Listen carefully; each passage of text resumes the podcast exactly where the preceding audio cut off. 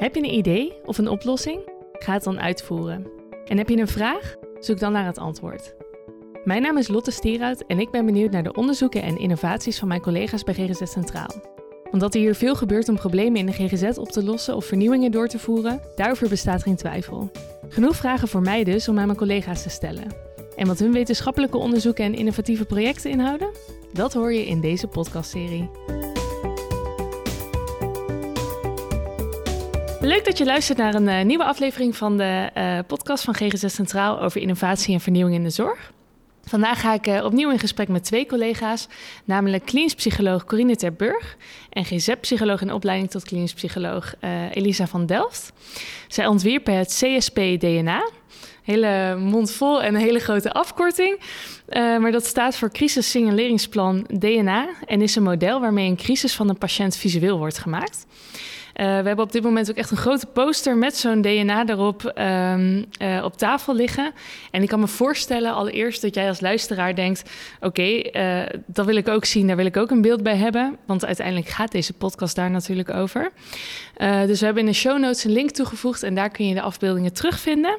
En dan heb je ook een, ja, een visueel uh, idee bij dit gesprek.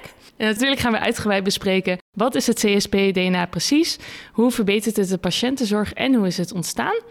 Maar eerst uh, tijd om jullie zelf nog eventjes uh, voor te stellen aan de luisteraars. En welkom natuurlijk. Ja, dankjewel. ik ben Corine de Burg. Ik werk sinds 2016 bij GGZ Centraal. En in 2018 ben ik de opleiding tot klinisch psycholoog gaan doen. 2021 heb ik die afgerond en ik werk momenteel op de afdeling persoonlijkheidsstoornissen in Amersfoort. En mijn naam is Elisa van Delft. Ik heb uh, Corine in dat opzicht opgevolgd. Uh, werk ook al wel een, een, tijdje binnen de organisatie, uh, maar ben in afgelopen januari gestart met de opleiding tot klinisch psycholoog. En momenteel ook werkzaam op de afdeling persoonlijkheidsstoornissen in Amersfoort. En om maar direct de materie in te duiken, kun je een omschrijving geven van het CSP-DNA, hoe het eruit ziet, wat het doet? Ja, uh, nou, het CSP-DNA dat gaat dus eigenlijk over een project voor het verbeteren van crisissignaleringsplannen. En eigenlijk is het ontstaan ook met het idee, wat ik zelf ook heel erg merk, is dat het maken van een crisissignaleringsplan bij een crisisgevoelig patiënt is eigenlijk standaard onderdeel van de behandeling. En toch is het vaak ook iets wat veel weerstand oproept bij cliënten, wat ook niet altijd gedaan wordt. Um, en waar ik ook vaak merkte is dat het veel meer mijn woorden waren die in, het, in dat plan kwamen, dan dat het ook echt de woorden van de cliënt waren.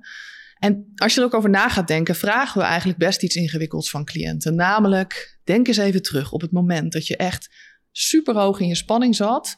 Um, denk eens even terug aan hoe het toen precies met je ging. Wat je deed, wat hielp, wat niet hielp. Nou, als je mij vraagt wat ik vorige week gegeten heb, dat weet ik waarschijnlijk al niet eens meer. Dus we doen best iets geks door aan cliënten te vragen van, nou ja, denk maar terug. En dan gaan we nu daar een plan. En dat moet je dan helpen om uit een crisis te komen of niet in crisis te komen.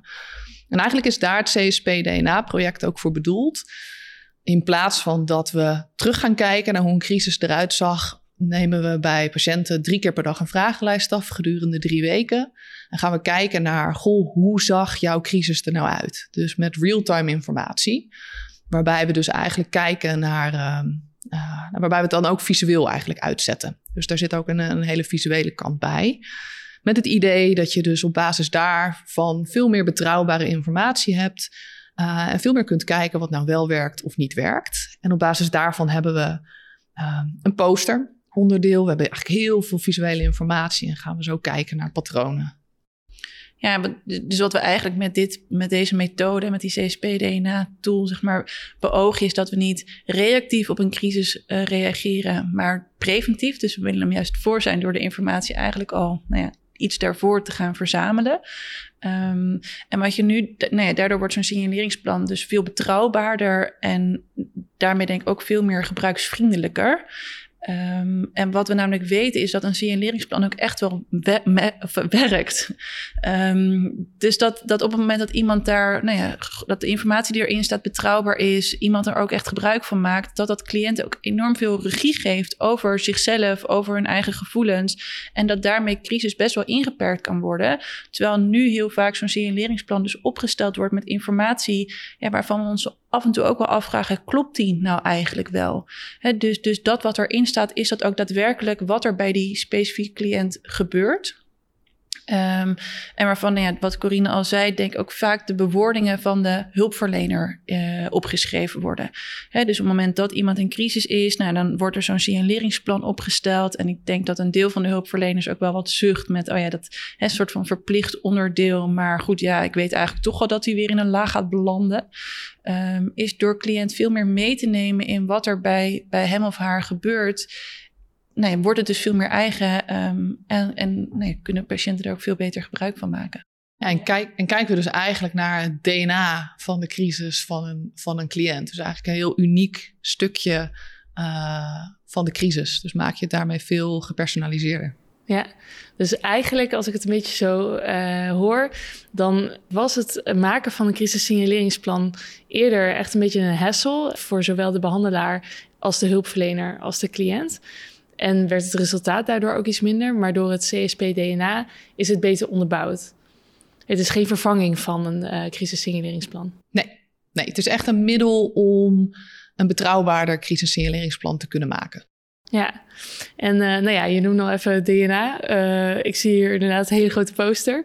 Um, met heel veel cirkels, heel veel uh, stippen, een paar lijnen. Dus het ziet er ook wel een beetje uit als DNA. Um, is, is zeg maar de term daar ook op gebaseerd?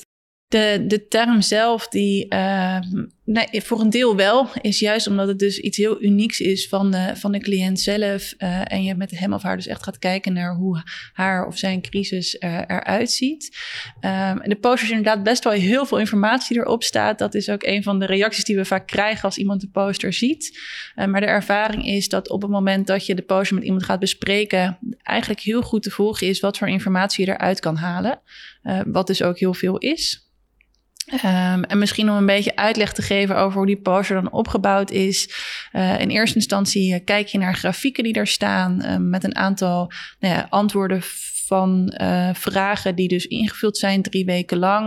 Um, en je kunt bijvoorbeeld denken aan de vraag nou, hoe iemand zijn zelfzorg was, nou ja, of iemand gedachten aan de dood heeft gehad. Uh, maar ook of iemand zich misschien wel blij met zichzelf heeft gevoeld. Dus zowel positief als negatief gelabelde uh, vragen. Um, die dus nou ja, in de beloop van die drie weken dat, dat weergegeven zijn. En je gaat kijken naar waar zitten dan eigenlijk de veranderingen. Dus waar zien we een soort knik ontstaan of misschien wel iets wat toeneemt. Hè? Is, is juist iemand minder goed voor zichzelf gaan zorgen? Wat gebeurde er op dat moment? Uh, daarop ga je vervolgens inzoomen. En dan kom je een soort van puntje verder op de poster en ga je kijken naar die bollen, uh, die heel kenmerkend zijn uh, voor dit project. Uh, waarbij je kan gaan inzoomen op, nou ja, wat, hoe voelde iemand zich? Uh, hoe dacht iemand over zichzelf? Maar bijvoorbeeld ook over anderen. Uh, maar ook nog wel wat, wat informatie over de context. Dus met wie was iemand? was iemand alleen, ja of nee? om vervolgens dus naar, naar patronen te gaan kijken of veranderingen en hypotheses te gaan vormen over hoe zo'n crisis waar iemand opgebouwd is en wat iemand kan doen. En die patronen en die zeg maar dat terugzoeken, dat doe je samen met de cliënt. Ja, ja je, eigenlijk wat we deden met die poster is, je stond er letterlijk eigenlijk voor. Dus als hulpverlener samen met de cliënt. Uh, je ging samen puzzelen. Je ging samen kijken van wat valt nou op. En wat ik nou het mooie vond, dat in plaats van dat ik toch vaak ook wel met mijn standaard dingen kom van je moet op tijd slapen, je moet goed slapen, uh, je moet goed eten. Hè? Dus veel van die, van die basale adviezen is dat je nu samen met de cliënt kon kijken. En dat dus de cliënt inderdaad zag: oh ja, ik hoorde eigenlijk altijd wel dat ik niet alleen moest zijn. Maar nu zie ik het ook. Nu zie ik dat als ik te veel alleen ben, dat mijn suicidaliteit daarna omhoog loopt. En ja, dat is zo'n krachtige interventie. Daar kom je als behandelaar helemaal niet tegen op. Dus ik denk dat dat ook het grootste ja, eigenlijk de grootste kracht is van dit project. Dus dat het echt letterlijk is dat de cliënt kan terugkijken. Dit heb ik zelf ingevuld. Dit werkt wel voor mij, dit niet. In plaats van dat de behandelaar of een hulpverlener zegt: dit moet je doen en dit niet. Zijn dat vaak duidelijke verbanden? Kun je dat er echt direct uithalen of is het echt wel um, zoeken? Nee, kan je er eigenlijk best wel heel direct uithalen. Dus het is, het is iets wat niet berekend wordt achter de schermen, als het ware. Dus er, komen die plaatjes die komen eruit. Uh, en tijdens een teruggavegesprek ga je dus echt samen met de cliënt en eventueel dienstnaasten uh, zoeken naar, naar die patronen. Um, en dus ook soms dus weer een beetje terug in de tijd, als het ware. Juist doordat iemand dus ook informatie heeft opgeschreven over met wie die was of wat er die dag gebeurd was aan positieve of negatieve gebeurtenissen, nou, helpt vaak ook weer om voor de cliënt zelf terug te gaan. Oh ja, dat was waar ik toen was en wat ik aan het doen was. Ehm, en wat mij op dat moment misschien ook geraakt heeft, waardoor nou mijn somberheid omhoog ging of waardoor ik me slecht voelde over mezelf. Uh, en ga, ja, kan je op die manier op zoek gaan naar patronen. Ja, en ik denk, we, we hebben dit nu bij. Uh, in, ik heb het zelf uh, uitgevoerd in het kader van wetenschappelijk onderzoek. En Elisa die heeft daarbij geholpen. Voor jullie opleiding? Voor mijn opleiding, ja. En um, dit waren geen men, dit waren vooral ook heel veel deelnemers die al jarenlang in de GGZ waren. Dus het waren ook geen mensen die nog helemaal niks qua behandeling hadden gehad. En toch, eigenlijk na elk teruggavegesprek, kon de cliënt met nieuwe informatie verder. En ook soms, misschien kan ik me voorstellen, wel confronterende dingen dan, of niet? Tenminste, ik kan me dan voorstellen dat, dat het ergens nog best wel makkelijk is om uh, te, te denken van... joh, maar de hulpverlener zegt ik moet eerder naar bed, maar goed. Ja? Terwijl als je dat ineens dan zo voor je ziet, dat je dan denkt van... oh, uh, dit is echt, nu moet ik er ook echt iets mee. Ja, nou, ik denk dat het ook wel veel meer autonomie gaf. Dus dat juist ook uh, mensen eigenlijk het idee hadden... Oh, maar ik kan er dus ook weer wat mee. Dus dat het juist ook soms wat hoop kon geven. Oh ja, dus dat is eigenlijk veel positiever nog. Ja. Ja. En jullie werken allebei bij de polypersoonlijkheidsstoornissen. Is uh, dit nou ja, crisissignaleringsplan DNA ook echt uh, om een reden bij deze doelgroep ontstaan? In eerste instantie wel, uh, omdat we van deze doelgroep weten dat die het nee, misschien nog extra ingewikkeld vinden om terug te kijken naar wat er eerder gebeurd is. Um, en dat hun nou beeld van, van wat er bijvoorbeeld vorige week gebeurd is, ook wordt gekleurd door hoe ze zich op het moment van vragen voelen. dus voel ik me nu rot, dan heb ik een hele rotweek ge gehad en, was, uh, en ging het vorige week dus ook niet goed met mij. Uh, maar wat we gemerkt hebben gedurende de onderzoeksfase is dat nou ja, op meerdere afdelingen crisissignaleringsplannen gebruikt worden en dat er ook verschillende doelgroepen, nou, iedere doelgroep heeft zijn eigen crisis. Dus dat het veel breder in te zetten is dan dat. Ja, dus dat is een mooi positieve extra. En hoe, hoe ging het, uh, uh, het ontstaan ervan? Kun je daar iets over vertellen? Of het dat, ontwikkelen? Ja, dat is al best wel een tijdje terug. Um, dit idee is in 2007 um, ehm, geopperd door Barbara Montagne. Uh, die is in het begin daar heel druk mee bezig geweest. En nog steeds betrokken. Dat en, is een, een collega ook. Ja, zij is ook klinisch psycholoog binnen GGZ Centraal. En het, nou ja, dus eerst eigenlijk met een pilot begonnen, waarin er vier deelnemers hebben meegedaan. Uh, die zijn toen heel actief betrokken geweest bij het ontwikkelen van de online vragenlijst, uh, bij nou wat ze vonden van zo'n teruggavegesprek, hoe ze dat ervaren hebben. En met de input die zij gaven, konden we dit steeds verder ontwikkelen. Uh, nou ja, toen is er nog een onderzoeksfase geweest. Um, en vervolgens zijn we nu eigenlijk heel druk bezig met het verder ontwikkelen. Um, nou ja, en eigenlijk vooral het automatiseren van het proces, zodat het nog verder en breder ingezet kan gaan worden. Uh, waar dit voorheen veel meer handmatig gedaan werd. Ja, mooie ontwikkelingen. Gaan we straks nog heel iets verder over praten. Maar eerst misschien goed om te noemen, want jullie hebben al een aantal keren uh, gehad over een vragenlijst. Uh, inderdaad, een goede nou ja, vraag is: hoe komen jullie aan de data voor dat DNA of de input? Ja, mensen, uh, deelnemers, die, die worden eigenlijk gevraagd om drie keer per dag uh, een online vragenlijst in te vullen. Die online vragenlijst die wordt verstuurd door middel van een sms'je. Dan kunnen ze naar een, een beveiligde omgeving gaan van Rokwa. Wat we ook wel gebruiken voor het afnemen van andere online vragenlijsten binnen GGZ Centraal. Um, en kunnen daar invullen. En het mooie daarvan is dus dat mensen dus ook letterlijk in hun ik zeg niet dus in de therapiekamer, maar juist ook in het dagelijks leven die vragenlijsten invullen. Dus krijg je nog meer van die contextinformatie die zo belangrijk is. Um, en het, daarnaast is denk ik ook het mooie is dat we dus heel erg ingestoken hebben ook op gepersonaliseerde zorg hierin. Dus um, ooit is het begonnen met een volledig gepersonaliseerde vragenlijst.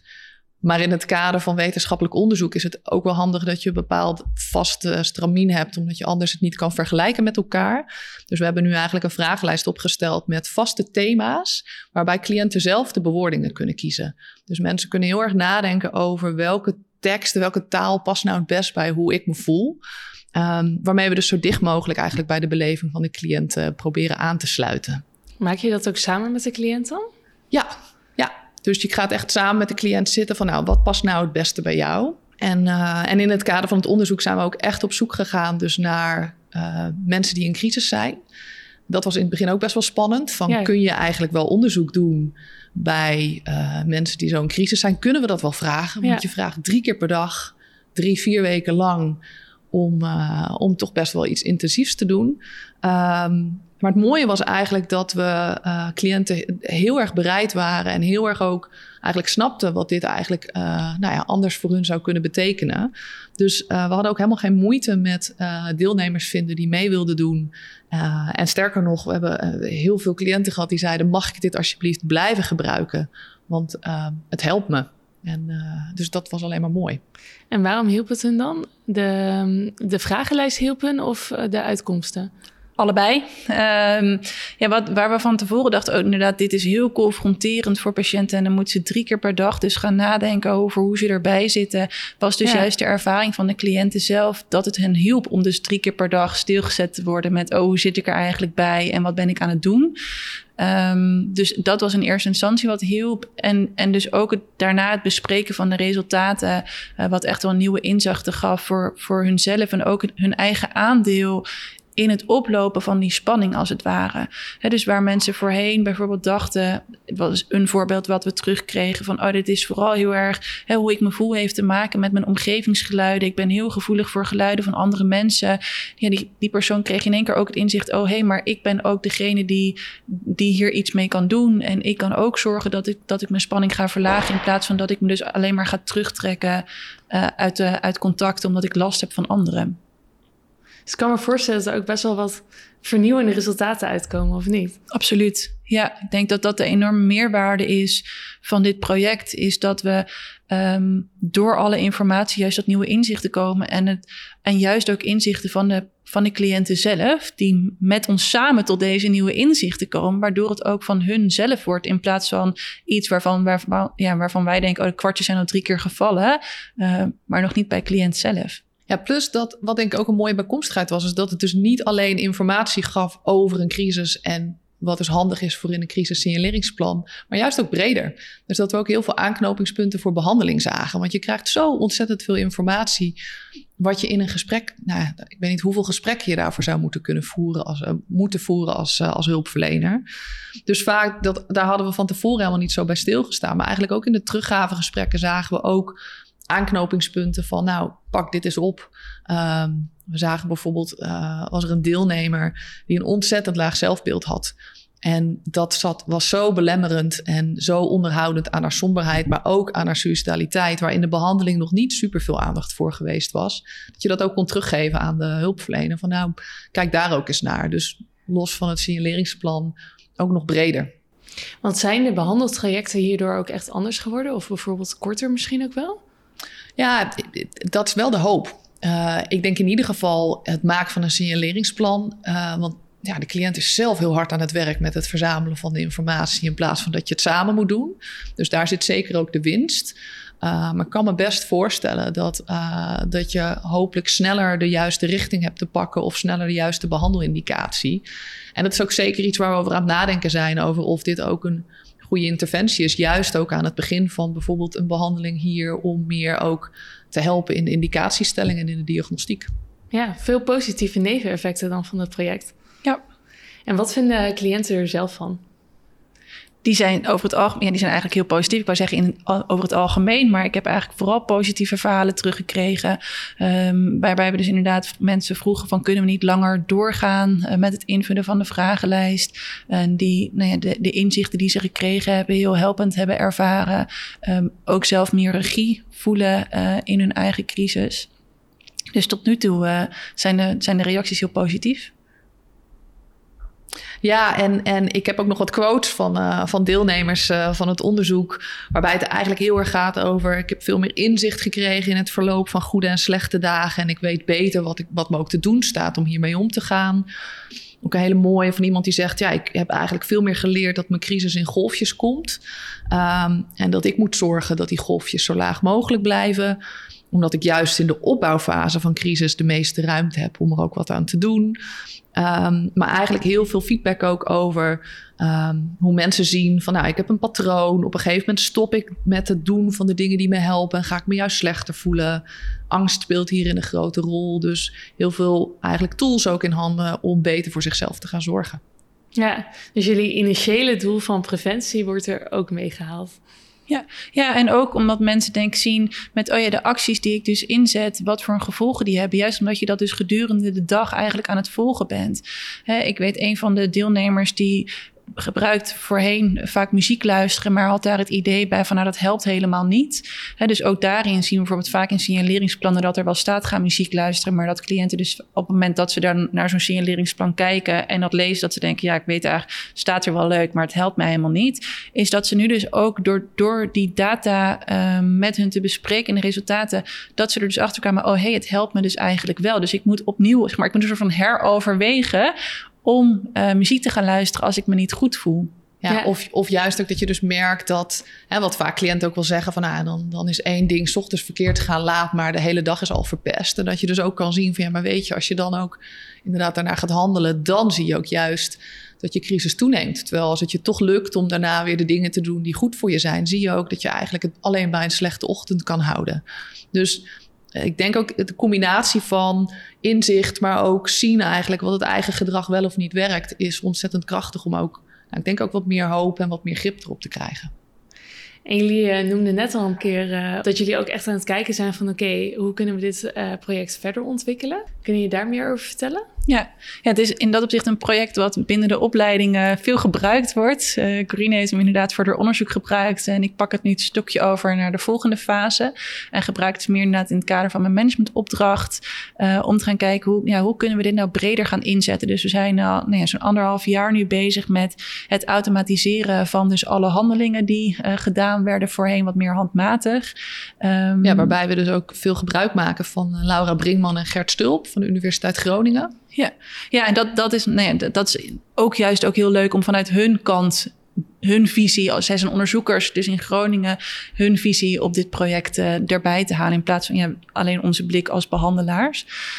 Um, maar is dat we dus nu, nou ja, dat automatiseren is bijna voltooid. En de volgende fase is dat we binnen GGZ Centraal aan het kijken zijn waar we dit project opnieuw uh, kunnen gaan implementeren. Maar dan dus groter dan, dan uh, de, nou ja, de groep die we eerder gehad hebben. Um, dus dat wordt, ja, dat wordt de volgende fase. En uh, bij deze ook vooral een uitnodiging aan de afdelingen die daar interesse in hebben om uh, contact met ons op te nemen. Ja, want dat is misschien ook wel een goede toeleiding naar de afsluitende vraag. Um, want als je behandelaar bent of uh, hulpverlener in het algemeen. en je denkt, joh, ik wil hier ook iets mee, ik wil hier meer over weten en misschien ook toepassen.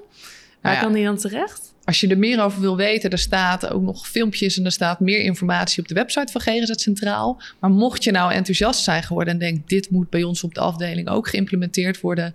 Nou, zoek contact met Elisa of mij, uh, want daar zitten we wel, uh, daar gaan we naartoe werken. Dus uh, genoeg kansen om dit hopelijk ook snel binnen heel GGZ Centraal te kunnen gaan gebruiken. Ja, nou, dan zou ik jullie contactgegevens ook in de show notes bij vermelden. En dan uh, kijken of jullie overspoeld worden door uh, berichtjes. We hopen het, we hopen het. Super, nou hartstikke bedankt voor jullie verhaal en jullie tijd. Dankjewel.